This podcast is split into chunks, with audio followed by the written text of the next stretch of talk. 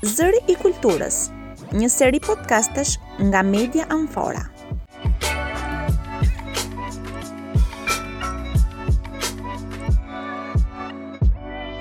Përshëndetje të nderuar dëgjues të serisë së podcasteve Zëri i Kulturës në Media Amfora. Unë jam Livia dhe në këtë episod do të jemi me urbanistin Artan Kacani, që është edhe pedagog në këtë fushë.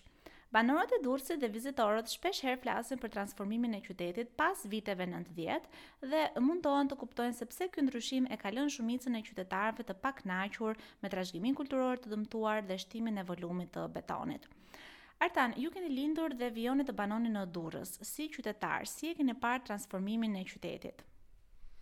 Përshëndetje Livia, faleminderit, faleminderit gjithë dëgjuesve. Ë Pyetja është me shumë interes besoj për shumë qytetarë të Durrësit dhe kryesisht persona të interesuar jo vetëm për historikun e qytetit, por për edhe vlerat që mbart. Ë duhet të kujtojmë që deri në fund të viteve 90 në Shqipëri kishte një mungesë të përgjithshme të banesës. Shumë familje ndodheshin në apartamente, në hyrje, së bashku me xhaxhallarë, me halla, me daje dhe të tjera. Dhe kjo vinte si rrjedhojë e një mungese të madhe, të themi, të stokut imobiliar duke filluar nga vitet 90 me rënien e regjimit komunist, shumë njerëz të ndryshëm do të arrijnë që atë të drejtë të mohuar ta përvetësojnë me duke fituar të drejtën individuale, pra duke fituar të drejtën individuale duke shkuar drejt qytetit dhe duke organizuar strukturën familjare të tyre dhe njëkohësisht atë komunitare në lagjet që njohim sot.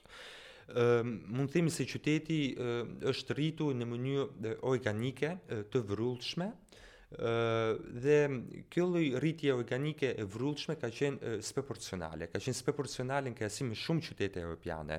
Duhet të kujtojmë që rajoni i Durrësit dhe Tiranës ka një konsum të përgjithshëm nga urbanizimi që shkon në shifrat e 9%, duke kaluar afërsisht ka qenë në 3%, afërsisht 4% në vitet 90 dhe sot jemi në 9%, pra të gjithë sipërfaqes rajonale. Kjo rritje kaq e lartë me afërsisht 6% të konsumit të tokës është një rritje ndër më të lartat në gjithë Europën. Për sa i takon shpejtësisë, kohës dhe konsumit total që ne kemi bë territorit rreth e përqark. Qyteti i Durrësit mund të themi që është ka mbartur një seri dëshirash të shumë banorëve shqiptarë të territoreve të ndryshme rurale, të cilëve ishte mohuar një seri të drejtash, dhe qyteti i Durrësit me premisën e punës apo me një seri premisash të tjera mbasi ka tërhequr vazhdimisht krah punë mund ta quajmë kështu që jo gjithmonë është përkrahur dhe jo gjithmonë është gjetur vendi i duhur dhe sistemimi i tyre. Nëse ne duhet të kuptojmë se si është transformuar qyteti, shumë nga ne do të mbajmë mend fare mirë rrugën Aleksandër Goga tek spitali. Ë mund të numëronim brenda ditës mund të numëroshim edhe 100, 200 uh, kryefamiljarë të cilët uh, prisnin të uh, të punësoheshin për të ndërtuar. Uh, ky ishte imazhi i uh, një Shqipërie në ndërtim e cila shfrytëzonte burimet natyrore, uh, rërën, gurat, uh, por njëkohësisht edhe uh, krahun e punës, uh, për të fituar sa më shpejt uh, ato të drejtat e mohuara në uh, 40 vite, 50 vite. Sot, në qoftë se ne duam të kërkojmë një ndryshim, qoftë edhe një shtesë anësore, apo shtesë vertikale për familjen, për vëllezërit tanë, apo për të ardhmen tonë, kjo gjë duhet të ndjeki një procedurë shumë herë më strikte dhe nuk flasim më për qytetin e zhvilluar nga qytetarët, apo nga vetë banorët, po, po flasim për një situatë e cila Kryesisht avantazhon atë që ka mundësi, ka mundësi ekonomike, ka mundësi politike dhe ka mundësi njëkohësisht edhe njohëse mbi parcelat dhe për të vepruar në qytet. Sot qyteti është gjithmonë edhe më tepër përjashtues. Transformimet urbane janë bërë gjithmonë edhe më tepër përjashtuese për një shoqëri, për jo vetëm për një shoqëri që prosperon në Durrës, por njëkohësisht edhe për këto që prosperon edhe ekonomikisht mbase për të ndërtuar tipologji të ndryshme të strehës.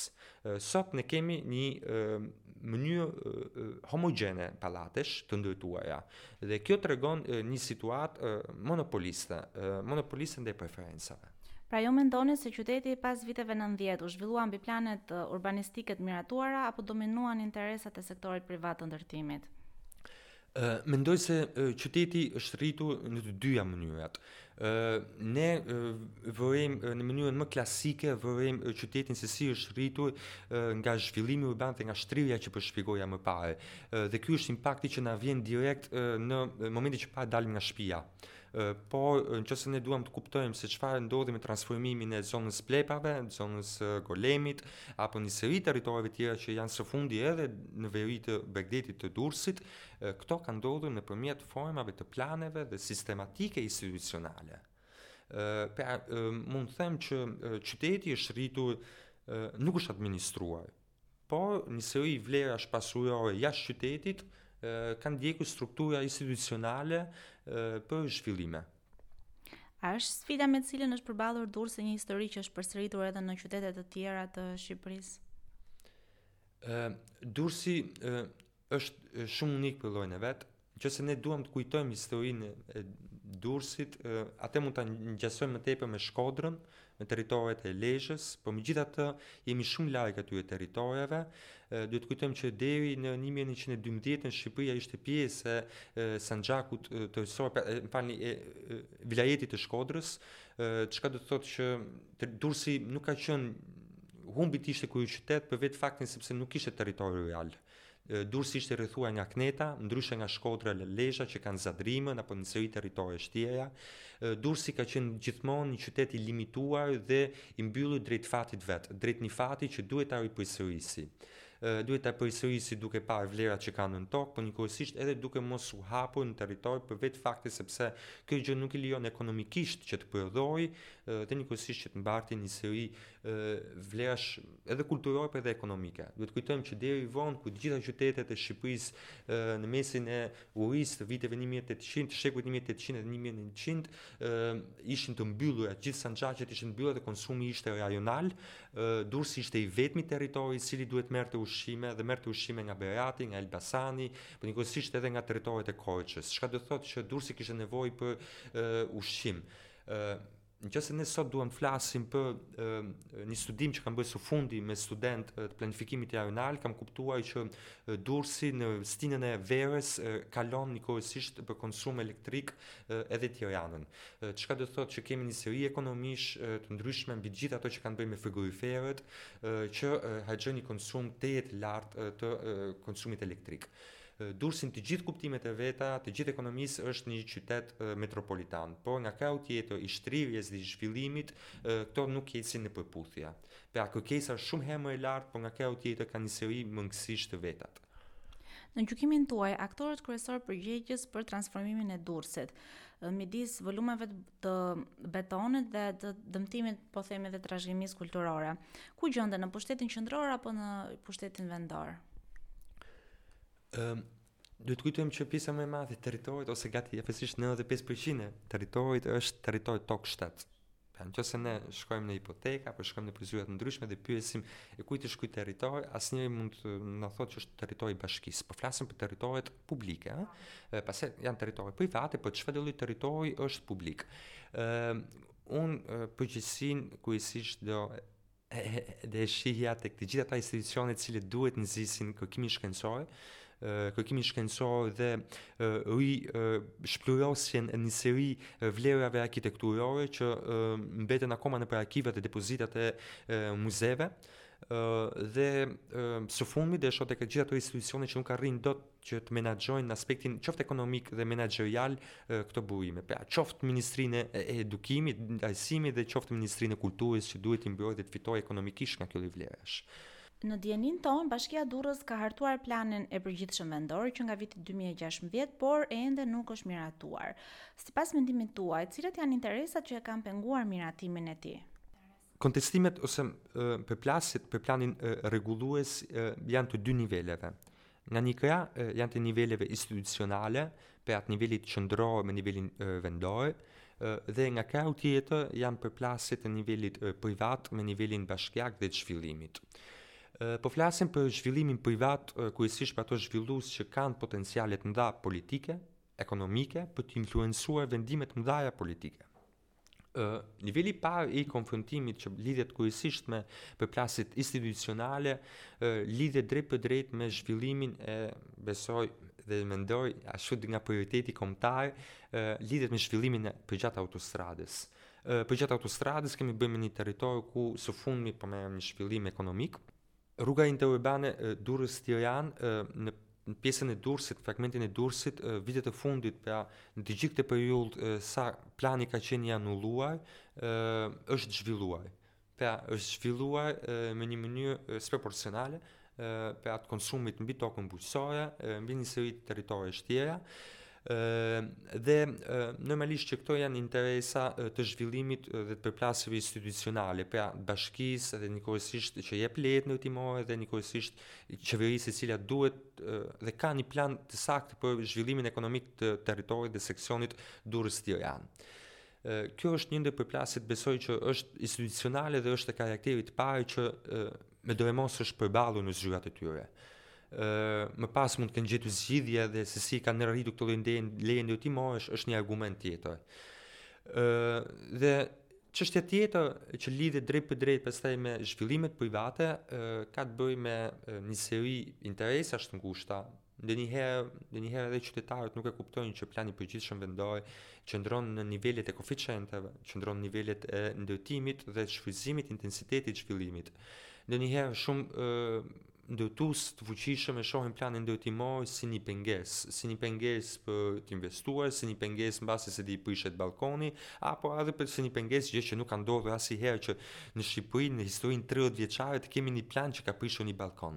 apo të ketë prishur një verandë apo qoftë edhe një shkallë hoteli. Ë maksimumi kanë qenë prishje ë politike e, pa metodol pa një metodologji të saktë dhe me vendime e, të njëanshme. Ë megjithatë ekziston alibia e, që plani i përgjithshëm të vendor nuk do i lejojë që të zhvillojë.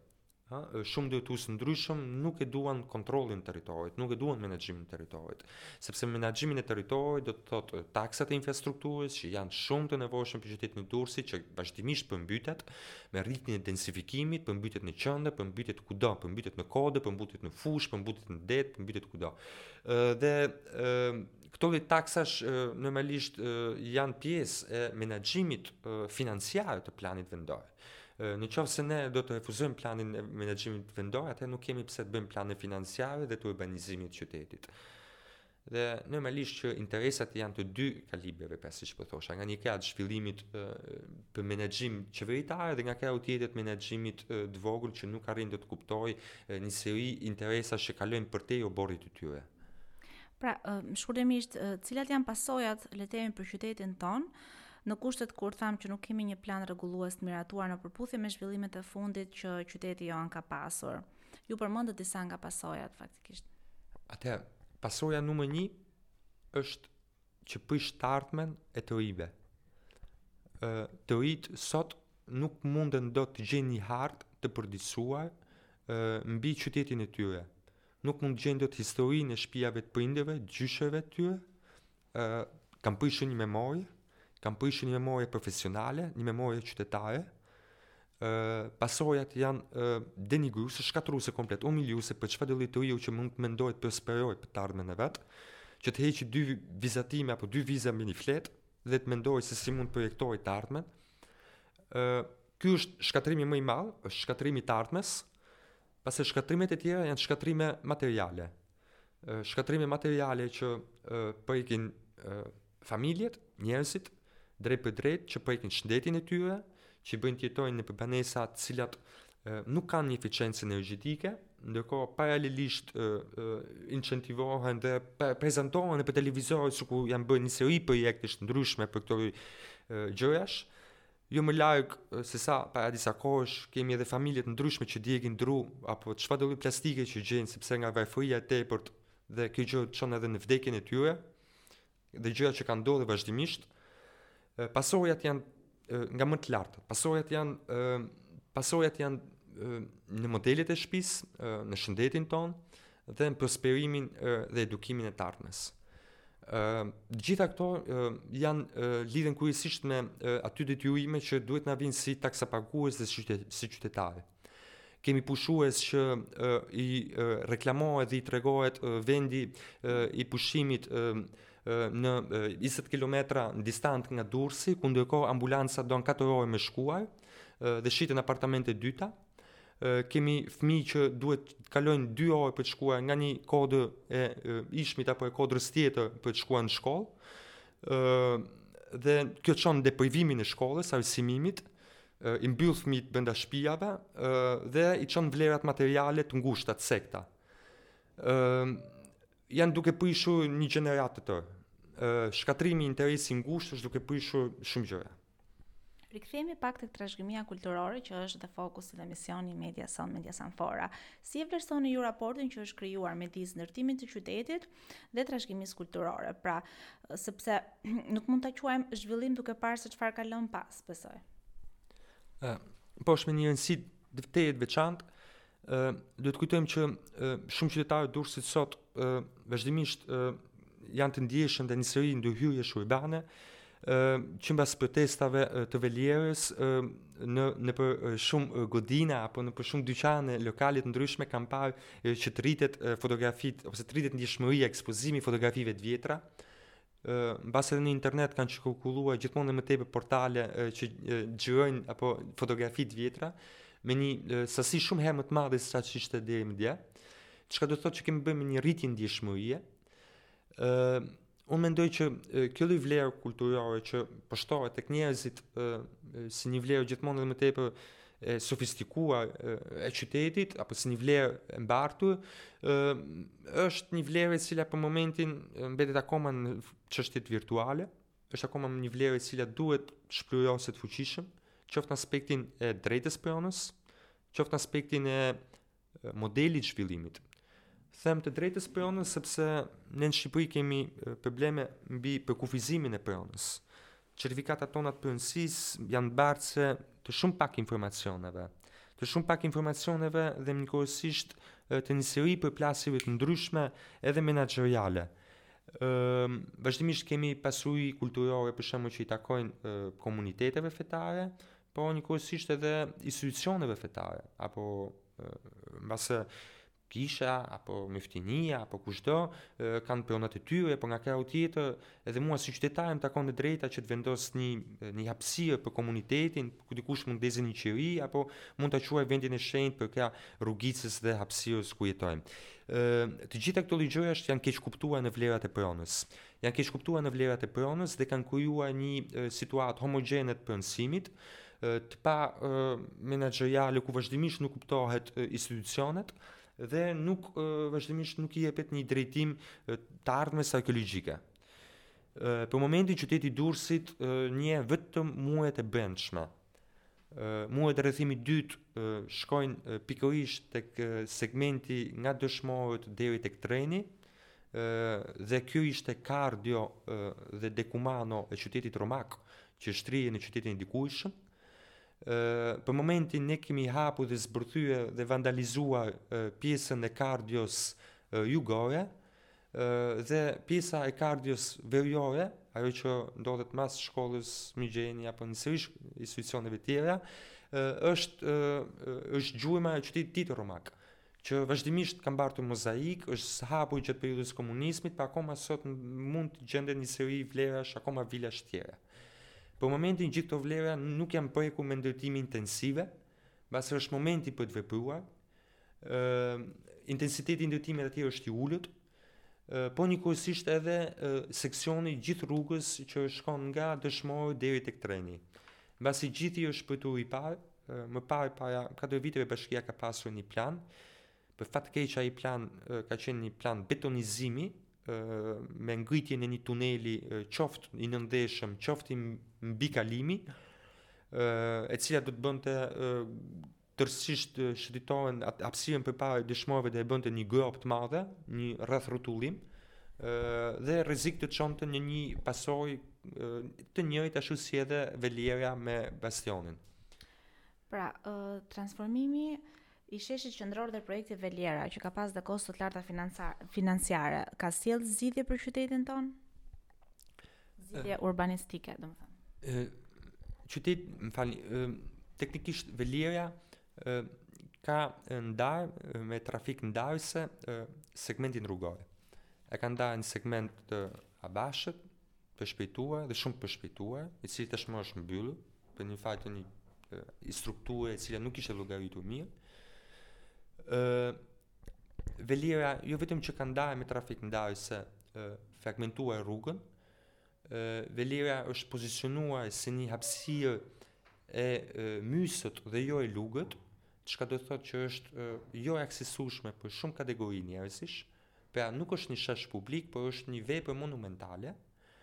Vepër monumentale e cila zë një hapësirë publike, duhet ta kujtojmë pra nuk është një hapësirë publike që shkon në një hapësirë publike, por është një monument që zë një hapësirë publike.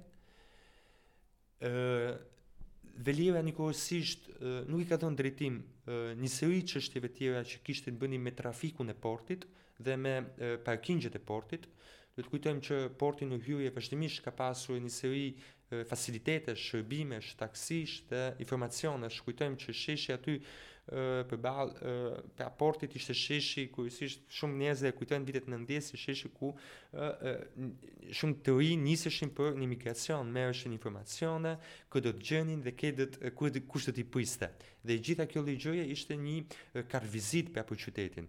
Ë ishte një vend i cili në një mënyrë apo tjetër jepte një welcome Sot ky Welcome nuk është një hapësirë e cila të fton në jetëgjatësi, por është një Welcome i cili të përjashton sa më parë dhe mbi të gjitha fsheh vlerat kulturore të qytetit. Duhet të kujtojmë që është mbi nivelin e Torrës, trotuari që është afër Torrës është i pamundur ta fotografosh, ta dokumentosh, pa një seri në sfond veprash inxhinieristike të cilat më sot janë të kota. Të kota edhe për profesionin, duhet të kujtojmë që veprat inxhinieristike të këtij kalibri do të glorifikohen vetëm në vitet njëzet, tridhjetë të shekullit të kaluar, ku inxhinieria ishte në kompeticion me arkitekturën dhe inxhinierët e asaj periudhe kishin nevojë që të tregoshin aftësitë e tyre të modelimit metalik.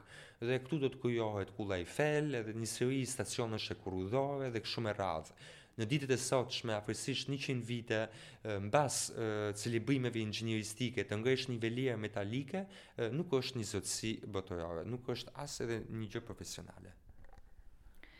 Si studiues i zonave informale që juve jeni, e keni parë zhvillimin e qytetit të Durrësit dhe në raport me zonat periferike si për shembull ish-Këneta që ne quajmë apo Shkozeti? Um, unë së fundmi kam bërë edhe një uh, botim, mund uh, ta gjeni edhe në ResearchGate, um, um, defining titulli artikulli quhet defining the hindering factors for the legalization pra është botuar në anglisht ose të përcaktojmë ose të identifikojmë faktorët bllokues për legalizimin e banesave informale Ë teknikisht ë unë kam arritur në përkufizimin e katër kategorive të banesave të cilat nuk mund të legalizohen. Kategoria e parë janë banesa të cilat edhe godina, po edhe parcela nuk duhet të jenë aty. Pra janë të gjitha ato të cilët kanë ndërtuar afër lumejve, afër autostradës, apo në livadhe, në zona ligatinore, apo këneta. Kjo kategori nuk duhet të jetë, ekzistojë aty. Kategoria numër dy është kur parcela është në rregull, pra është në tokë të tij, pronari, por ka bërë godina të shtesa nësore të padeklaruara. Dhe kjo është informaliteti i kategorisë së dytë. Informaliteti i kategorisë së tretë është kur godina është në përputhje me standardet e legalizimit, por parcela nuk është e pronarit dhe nuk ka ndodhur transferimi e kalimi i pronësisë. Këto janë raste të shumta.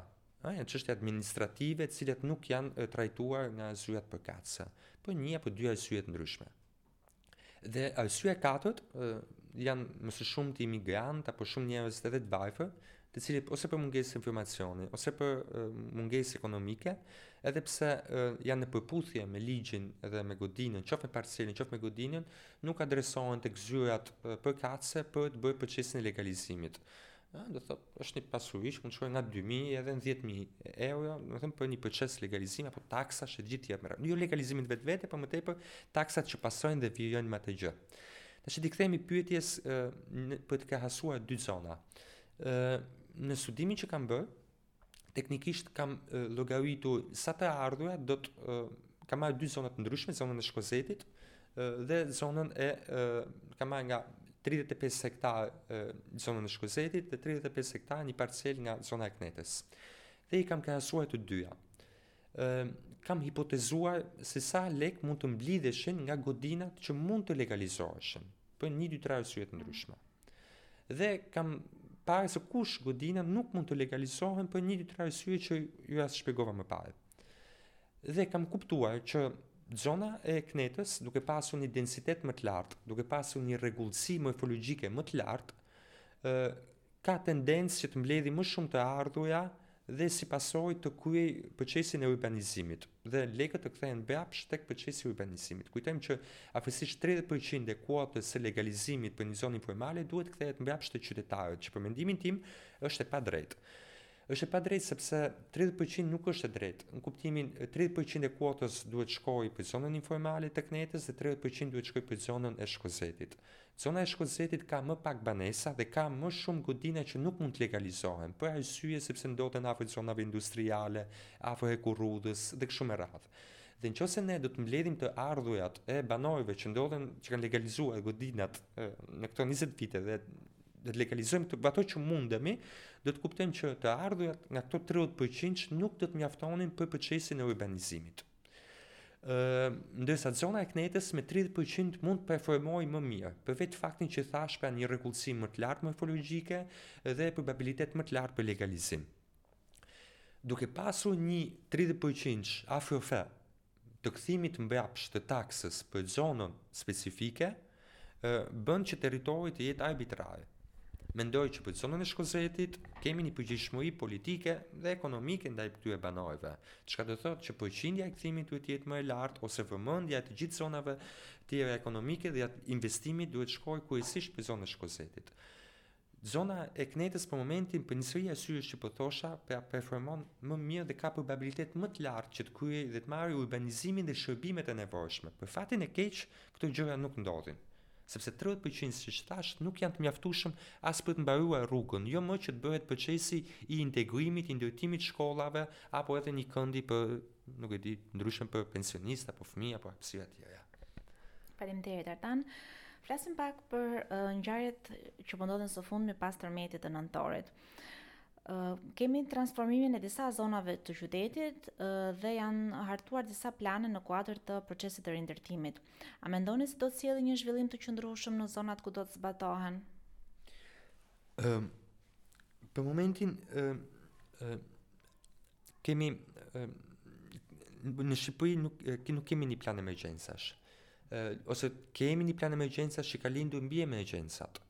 ë në ë, teoritë e planifikimit dhe në të gjithë shtetet ku ne prosperojmë Bashkimin Evropian ku duam të futemi, të gjithë shtetet kanë plane emergjencash të buxhetuara, të buxhetuara dhe të akorduara dhe të menduara paraprakisht.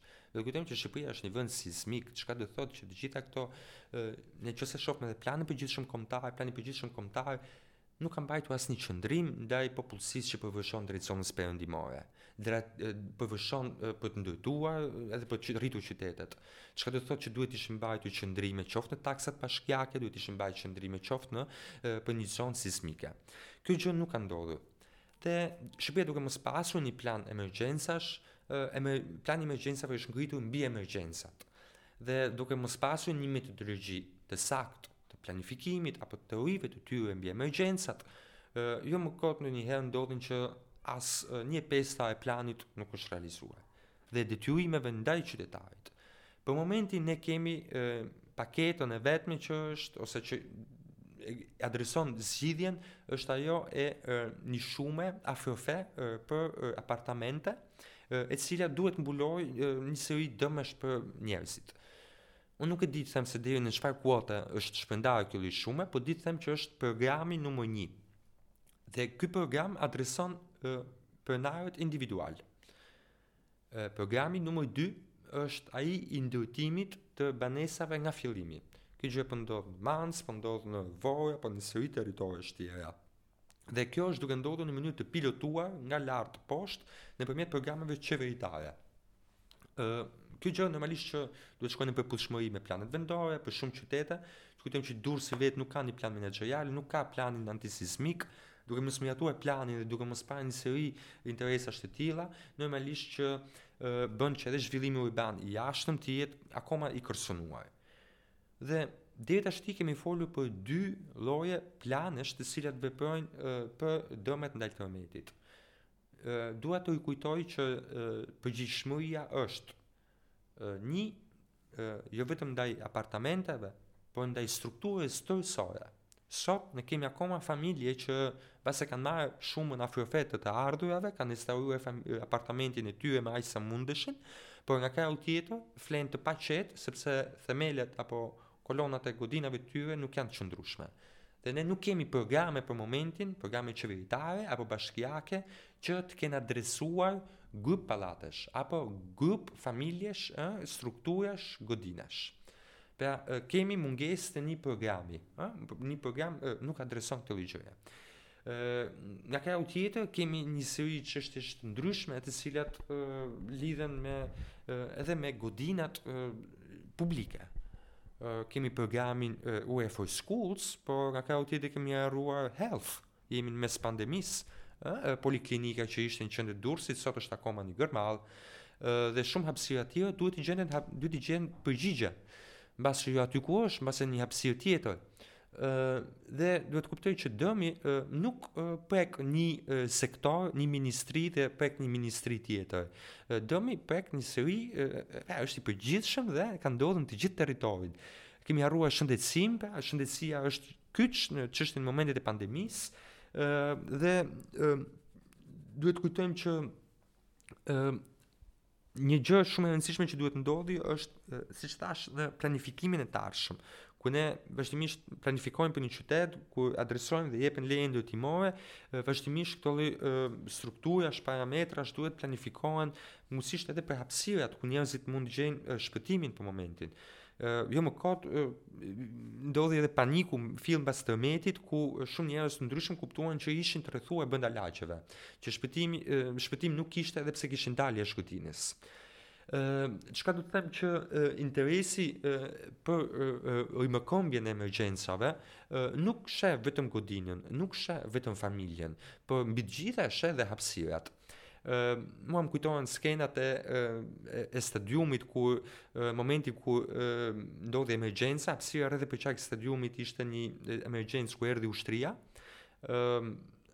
fluturonin dyshekë nga kamionët e ushtrisë, dhe asnjë nuk dinte të bënte një supë, një mensë, ha? një supë, njerëzit ishin akoma kishin ishin mes të dridhurave apo diçka e të ndryshme mes ftohtit. ë dhe një gjë për të qetësuar njerëzit, ë nuk kishte një model, një mënyrë, ë ishte një situatë ku kishte kamionë që nuk dishin se ku do zbarkojnë e çfarë do zbarkojnë. ë dhe kjo ishte një skenë që shumë gazetarë të ndryshëm apo e kanë fotografuar, e kanë dokumentuar. Është një realitet.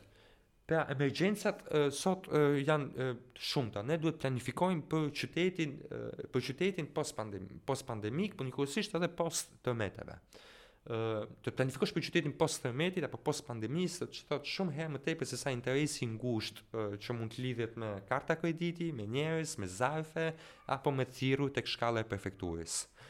Ë Pra po flas për një administrim territorit i cili nuk ka ndodhur. Pyetja ime e fundit për ty Artan është, a ka ende shpresë për ta zhvilluar qytetin e Durrësit mbi një plan rregullues serioz apo dhe në shërbim të së mirës publike? Ë uh, mendoj se ë uh, uh, Mendoj se duke parë një seri mënyra se si është zhvilluar qyteti në këto të paktën 15 vitet e fundit, mund të them që kanë ndjekur një politikë homogjene të tipologjive të ndërtimit, të ndërhyrjeve në infrastrukturë, të ndërhyrjeve në sistemin telefonik apo elektrifikimit, në ndërhyrjen e ndërtimeve të veprave publike, Ha, ë, në qoftë se duhet të kujtojmë, ura e Dajlanit është një artific shtojcë pas shtojce, është bërë me është menaxhuar me mënyra të ndryshme dhe është një burim aksidentesh. ë është diku është bërë një nyje, diku është bërë një nyje tjetër pas disa viteve dhe është jashtë kritereve dhe standardeve të planifikimit dhe ndërtimit të kodit rrugor. Ë, në qoftë se ne duam të ndërtojmë qytetin nga fillimi, shumë gjëra duhet të prishen. Duhet të prishen. Të prishen. Prishen. Prishen. Dhe të rimendohen komplet. Rigorozisht edhe ato që kanë marrë vendimet mbi këto gjëra, duhet Duhet të shkojnë pas prishjes. Okej, të falenderoj shumë Artan. Ndonjë fjalë të fundit dëshiron të thuash? Lexoni sa më shumë dhe punoni nëpër lagjet ku jeni. Faleminderit Artan. Zëri i kulturës. Një seri podcastesh nga Media Amfora, realizuar me mbështetjen e projektit Media for All, financuar nga Qeveria e Mbretërisë së Bashkuar. Na ndiqni në platformat Amfora.al, si edhe në SoundCloud, MixCloud, Google Podcast dhe YouTube.